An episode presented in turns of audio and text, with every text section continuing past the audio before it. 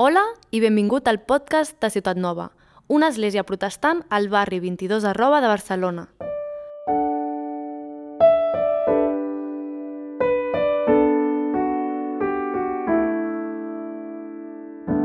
Doncs fem la lectura a Mateu capítol 1, versets de l'1 fins al 25, i diu així. Llibre de la genealogia de Jesucrist, fill de David, fill d'Abraham. Abraham engendrà Isaac, Isaac engendrà Jacob, i Jacob engendrà Judà i els seus germans. I Judà, de Tamar, engendrà Farès i Sarà. I Farès engendrà Esrom, i Esrom engendrà Aram. I Aram engendrà Aminadab. I Aminadab engendrà Nasson. I Nasson engendrà Salmón. I Salmón engendrà Boz, de Raab. I Boz engendrà Obed, de Rut. I Obed engendrà Jasé. I Jasé engendrà el rei David. I el rei David engendrà Salomó, de la que havia estat la dona d'Uries. I Salomó engendrà Roboam, i Roboam engendrà Abies, i Abies engendrà Assà. I Assà engendrà Josafat, i Josafat engendrà Joram, i Joram engendrà Usies. I Usies engendrà Jotam, i Jotam engendrà Acàs, i Acàs engendrà Ezequies, i Ezequies engendrà Manassès, i Manassès engendrà Amon, i Amon engendrà Josies, i Josies engendrà Jeconies i els seus germans en el temps de la deportació a Babilònia. Després de la deportació de Babilònia, Jeconies engendrà Salatiel, i Salatiel engendrà Zorobabel, i Zorobabel engendrà Abiud, i Abiud engendrà Eliakim, i Eliakim engendrà Azor. I Azor engendrà Sadoc, i Sadoc engendrà Akim, i Akim engendrà Eliud, i Eliud engendrà Eleazar, i Eleazar engendrà Matan, i Matan engendrà Jacob, i Jacob engendrà Josep, l'espòs de Maria, de la qual nasqué Jesús, l'anomenat el Crist. En total, doncs, des d'Abraham fins a David, són 14 generacions, i de David fins a la deportació a Babilònia, 14 generacions, i de la deportació a Babilònia fins al Crist, 14 generacions. I el naixement de Jesucrist fou així. Quan la seva mare era esposada amb Josep, abans de viure junts, ell es trobà que havia concebut en el seu sí de l'Esperit Sant. I Josep, el seu marit, perquè era just i no la volia infamar, va resoldre repudiar-la en secret.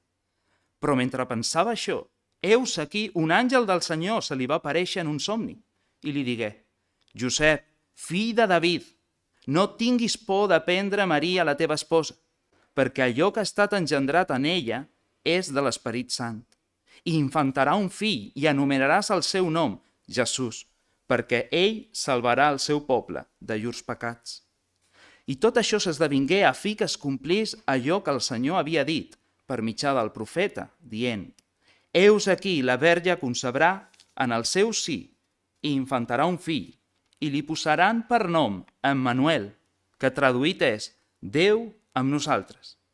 I Josep es desvetjà del son i feu com li havia manat l'àngel del Senyor i prengué la seva esposa. I no la va conèixer fins que ella hagué infantat el seu fill prim primogènit i l'anomenà Jesús. En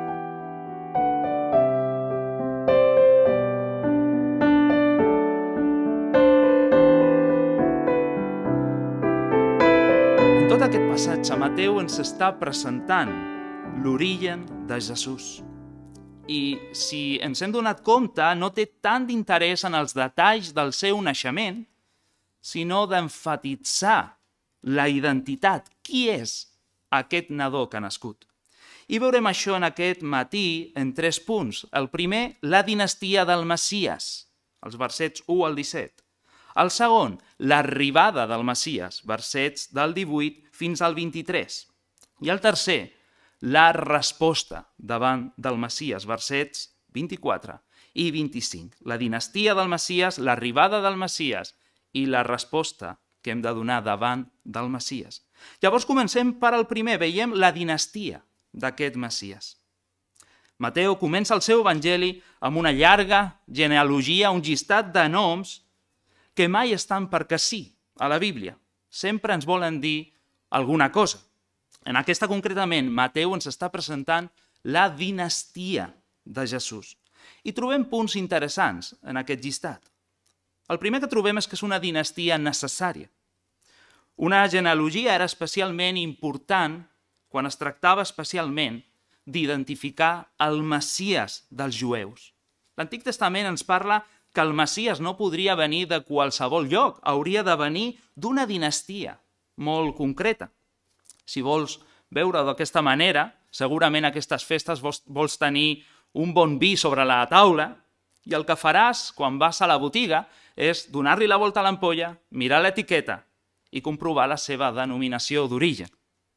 D'alguna manera, el que qualsevol jueu voldria fer amb qualsevol candidat al càrrec de Messies és donar-li la volta i veure la seva etiqueta i d'on és la seva denominació d'origen, de quina família procedeix. Llavors Mateu comença el seu evangeli amb aquest títol. Llibre de la genealogia, vol dir de l'origen, literalment del Gènesis, de Jesucrist. I li dona dos títols, fill de David i fill d'Abraham. Jesús és presentat com aquell fill que feia uns mil anys enrere. Déu li va prometre al rei David, el segon rei a la història d'Israel, i li va prometre que aquest rei governaria un dia sobre totes les nacions de la terra. Ho trobem a segona de Samuel, capítol 7, verset 13, també parla d'això el Salm 2, 89 o 110. També ens ho presenta com aquell descendent que uns 2.000 anys enrere Déu li va prometre al patriarca Abraham i que un dia revertiria la maledicció d'un món trencat pel mal i portaria l'alegria a totes les famílies de la terra. I seguidament Mateu ens dona un llistat de noms que bàsicament agrupen tota la història d'Israel. Ell comença des del patriarca Abraham, passant pel rei David i arribant fins a Jesús. I Mateu vol demostrar-nos bàsicament que Jesús era plenament abrahàmic i plenament davídic. Tota aquesta dinastia, per dir-ho així, portava a Jesús dins de la seva matriu, fins que en un moment puntual de la història el va donar a llum. Llavors, aquesta dinastia és necessària per certificar l'origen messiànic de Jesús, però també per dir-nos alhora que Déu sempre compleix i complirà les seves promeses. Tal com ell va tenir cura d'una dinastia que portava el seu sí el Messies, així tindrà també avui cura de tots aquells en el que Jesucrist ha nascut als seus cors com a Salvador i com a Senyor, fins que ell torni, com va prometre també. Llavors és una dinastia necessària, és una dinastia també arriscada. Trobem el nom de quatre dones en aquest llistat, a part del de Maria. I això no era gaire habitual a les genealogies hebrees. Mateu ens vol dir alguna cosa amb aquests noms. Entre aquestes dones trobem vides trencades, maltractades, rebutjades, ferides per la vida. Per exemple, trobem a Tamar. Tamar era una dona cananea, és a dir, fora del poble d'Israel, desemparada en un moment de la seva vida socialment, que finalment exerceix la prostitució i queda embarassada del seu propi sogre trobem el nom de Raab. De nou, una prostituta que era cananea fora del poble d'Israel. També apareix el nom de Ruth. Ruth era una noia moabita, també fora d'Israel. Era pobra, en un moment de la seva vida va tenir que ser també rescatada. I finalment el cas més escandalós de tots, Betsabé. No busqueu el seu nom al llistat perquè ni apareix. Ella simplement és identificada com la que havia estat la dona d'Urias. I, bàsicament, en un moment de la seva vida, va rebre l'abús de poder de part del rei David amb el resultat d'un adulteri, l'assassinat del seu marit i vides trencades i una mare que està plorant la mort del seu fill. Tots aquests noms formen part de la dinastia d'aquell que seria el salvador del món. Quatre dones, quatre històries, quatre vides trencades i difícils. Segurament molts en el temps de Jesús desacreditaven aquest com el Messias, perquè va néixer d'una mare que podríem dir soltera, pobra, en una situació una mica escandalosa, podríem dir. I amb tot això, amb aquesta llista, es demostra que la seva pròpia dinastia, la dinastia del Messias, on tothom esperava el que seria el salvador del món, Déu ja havia fet coses grans per mitjà de dones amb vides trencades. Però més enllà d'això, aquesta dinastia tan arriscada ens parla que el Messias, Jesucrist, ha vingut com el gran rei compassiu. Ell és l'especialista en casos difícils, en vides trencades, en aixugar tota llàgrima, en aixecar els dèbils, en perdonar pecats, en restaurar històries acabades. Mira avui la seva gràcia i la seva compassió un autor de segles passats, s'anomena J.C. Ryle, va escriure el següent d'aquesta genealogia. Siempre deberíamos leer esta lista con gratitud. En ellas vemos que nadie que tenga parte en la naturaleza humana puede estar fuera del alcance de la compasión de Cristo. Si al Señor Jesús no le avergonzó nacer de una mujer cuyo linaje contenía tales nombres como los que hemos leído? No debemos pensar que vaya a avergonzarle llamarnos hermanos suyos y darnos vida eterna. Preciós. És una dinastia arriscada. També veiem que és una dinastia completa. Un detall que no hem de passar per damunt és que no tenim un llistat complet de la dinastia de Jesús. Falten noms, hi han salts cronològics, però Mateu només vol presentar-nos un llistat oficial de successió al tron i demostrar simplement que Jesús té dret al títol de rei Messias. I per fer una mica més pedagògic, diríem, Mateu agrupa els noms en tres blocs de 14. Així ho diu el verset 17. En total, doncs, des d'Abraham fins David, són 14 generacions. De David fins a la deportació de Babilònia, 14 generacions. I de la deportació de Babilònia fins al Crist, 14 generacions. Probablement ell està pensant en una xifra numèrica que serien el que sumarien les lletres del nom de David en hebreu, dins de l'abecedari hebreu. Totes juntes, precisament, sumen el, el nombre 14. Llavors, Mateu està organitzant una dinastia que sí és completa, no en el sentit físic, però sí temàtic, simplement per dir-nos que Jesús és el gran fill de David, el rei Messias tan esperat. Ell és, diríem, el 14 definitiu. Ja no esperem un altre, ens diu Mateu. Llavors només Jesús té dret al tron de David, al tron del cel i la terra i, per suposat, al tron del nostre cor. Llavors hem parlat una mica de la dinastia de Jesús. És necessària, és arriscada, és completa. Jesús té dret al tron de David com a rei i Messias. Ara veiem i parlem de l'arribada del Messias, el que trobem als versets 18 fins al 23. Va ser una arribada extraordinària, inusual. I això es mostra per la seva concepció, pel seu càrrec i per la seva identitat. Veiem una concepció extraordinària. Ens diu el verset 18. I el naixement, aquí de nou la paraula és la gènesis, l'origen de Jesucrist, fou així. Quan la seva mare era esposada amb Josep, abans de viure junts, aquí ens parla abans de mantenir relacions íntimes sexuals, ella es trobà, era una sorpresa per ella també, que havia concebut en el seu sí de l'Esperit Sant.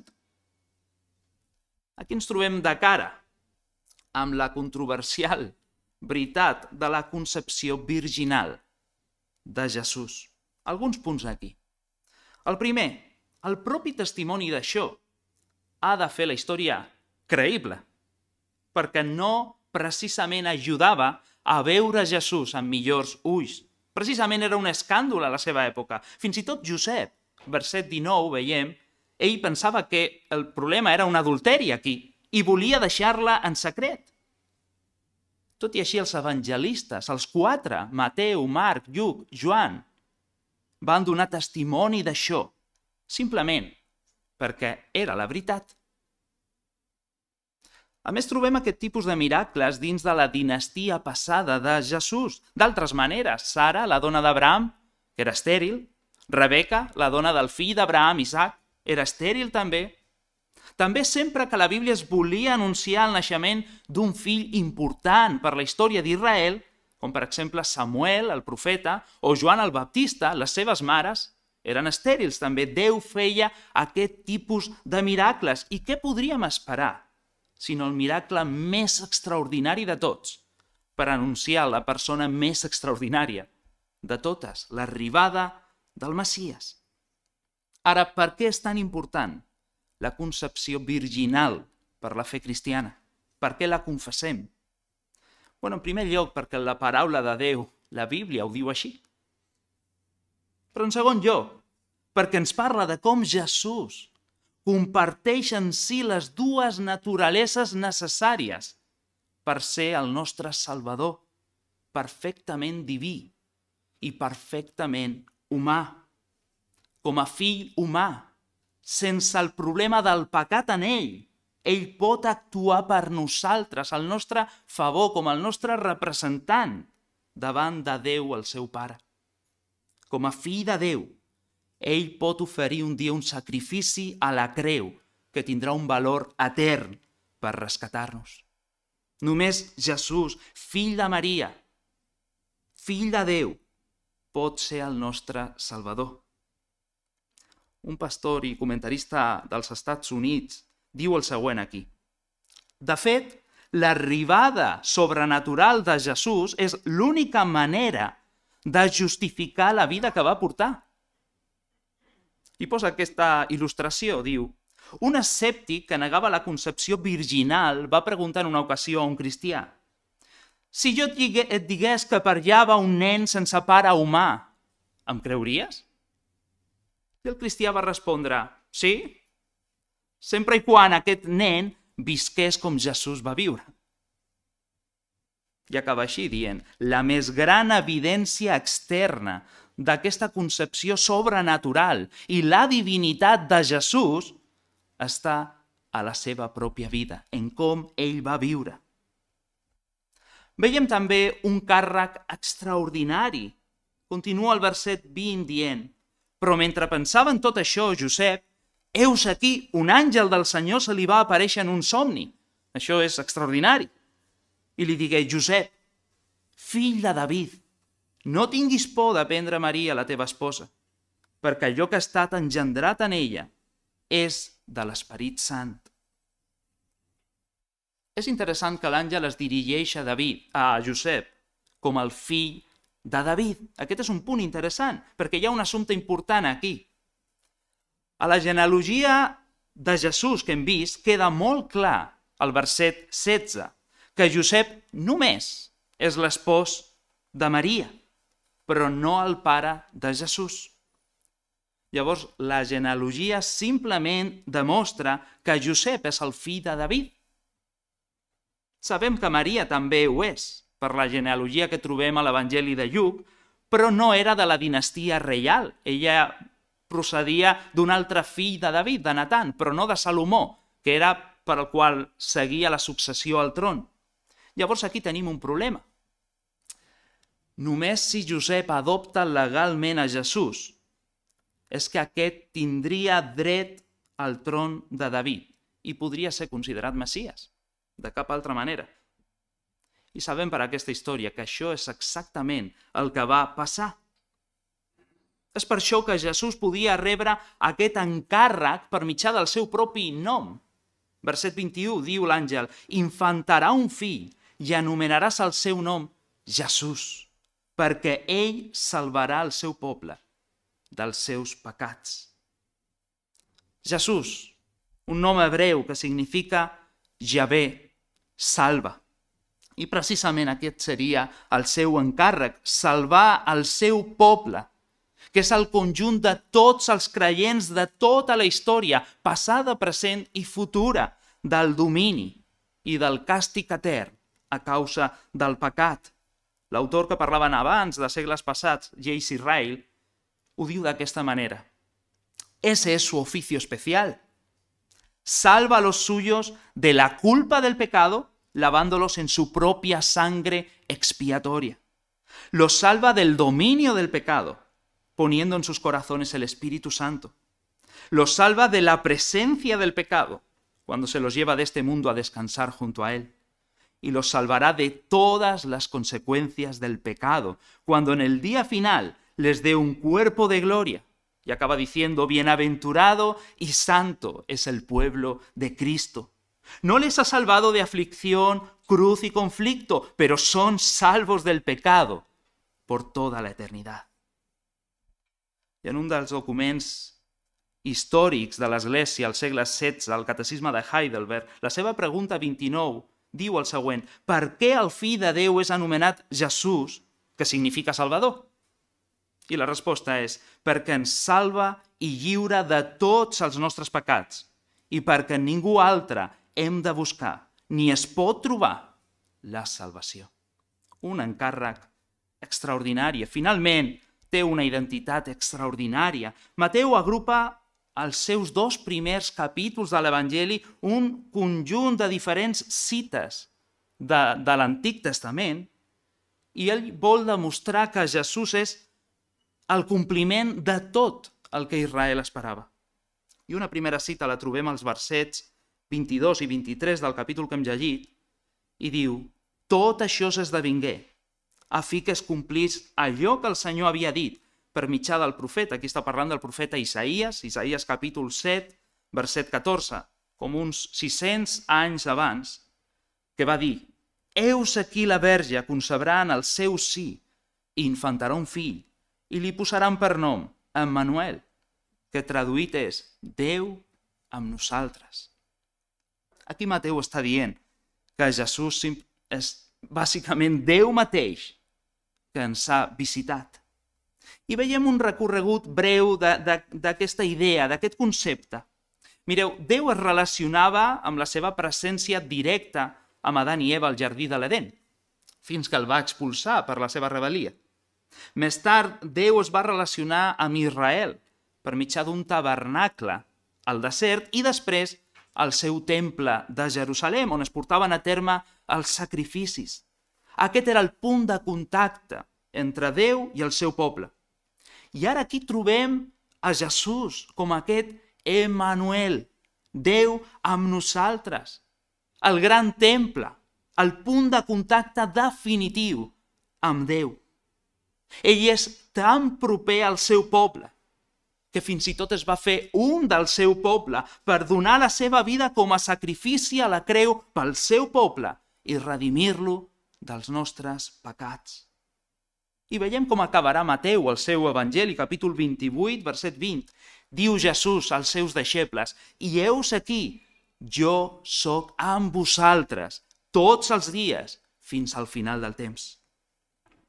El que ens està dient de, de, de, com un marc, Mateu, des del principi fins al final del seu evangeli, és que Jesús va venir com a Déu amb nosaltres per no deixar de ser-ho mai més sempre Déu amb nosaltres. I a més, ell vol viure amb un poble de totes les nacions i ens envia a fer deixebles per tota la terra, ensenyant que Jesús és l'únic punt de contacte amb Déu. Només per la seva mort i la seva resurrecció podem adquirir reconciliació amb Déu i tenir la salvació eterna.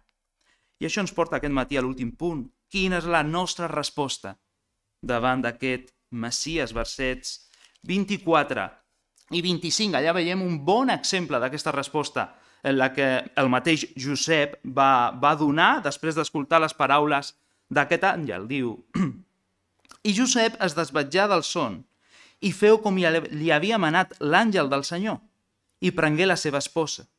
i no la va conèixer. Aquí es torna a referir a relacions íntimes, sexuals, fins que ella hagué infantat el seu fill primogènit, és l'hereu al tron, i l'anomenà Jesús. Aquesta era la millor resposta que Josep podia donar, d'acord amb la revelació que ell tenia. Obediència a l'àngel, acceptar Maria com la seva esposa, respectar els temps de Déu adoptar l'infant com a seu, donar-li el títol de fill de David i reconèixer-lo ell mateix com Jesús, aquell que salvaria el seu poble, inclús la seva pròpia ànima i la de Maria, dels seus pecats. Quina és la resposta adequada que hem de donar davant del Messies? Això, el propi Evangeli de Mateu, més endavant, ho resumeix en dues paraules, penediment i fe. Penediment vol dir un canvi de ment. I com és això? És molt important que, que, que entenem el que significa aquest canvi de ment, tots, grans i, i petits. Hem d'entendre això i Mateu recull una il·lustració al seu Evangeli, al capítol 21, que ens ajuda a, a entendre el que significa. Ell diu, un home tenia dos fills, Jesús posa aquesta, aquesta il·lustració, i aquest home li va dir al primer, fill meu, vine a treballar amb mi. I aquest va respondre, no vull. Però després ell va canviar la seva ment i aquest li va, se'n va empenedir i va tornar al seu pare i va anar a treballar amb ell. Després el pare va anar al segon i li va dir el mateix i aquest segon li va respondre de seguida, sí, senyor.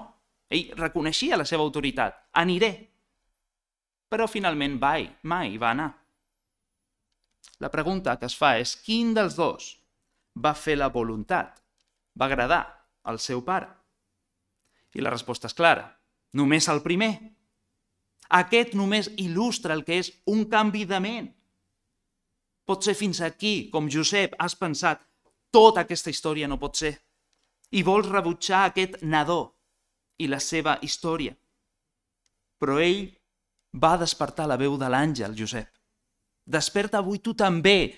No hi ha un àngel parlant-te, però la predicació de la pròpia paraula de Déu desperta aquesta realitat, canvia el teu pensament respecte a la persona i la identitat de Jesús i reconeix-lo amb fe i obediència com el teu Crist, el teu Messies, l'única esperança, el teu Salvador i Rei. Només una vida de fe obedient és l'única resposta apropiada davant d'aquell que és el fill de David, el fill de Déu, el Messias i Salvador. Arribem a la nostra conclusió en aquest matí i recapitulem una mica. Mira en aquest dia la identitat verdadera de Jesús. Ell és el fill de David, qui regna sobre tota la creació. Ell és el fill d'Abraham, qui porta la salvació de Déu a totes les nacions, a tot tipus de persones, com tu i com jo. Ell és Jesús, l'únic qui salva l'ésser humà del pecat, de la seva culpa, del seu domini i del seu càstig etern. I ell és Emmanuel, Déu amb nosaltres. Només hi ha una resposta digna que pots donar-li en aquest dia i és reconèixer-lo com Josep al teu cor, com el teu propi rei i salvador. Que puguis fer teves les paraules d'aquest himne de Nadal de nens que diu «Ven a mi corazón, oh Cristo, pues en él hay un lugar para ti». Si tal dia com avui commemorem el naixement del Messies a la història, que sigui recordat també per haver nascut al teu propi cor.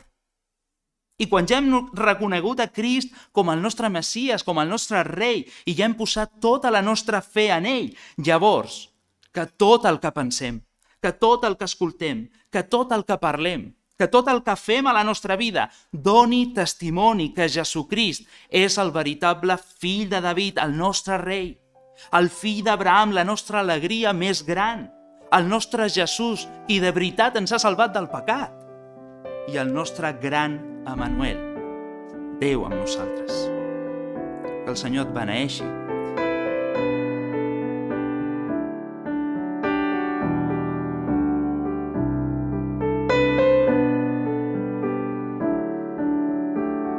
Gràcies per escoltar aquesta predicació.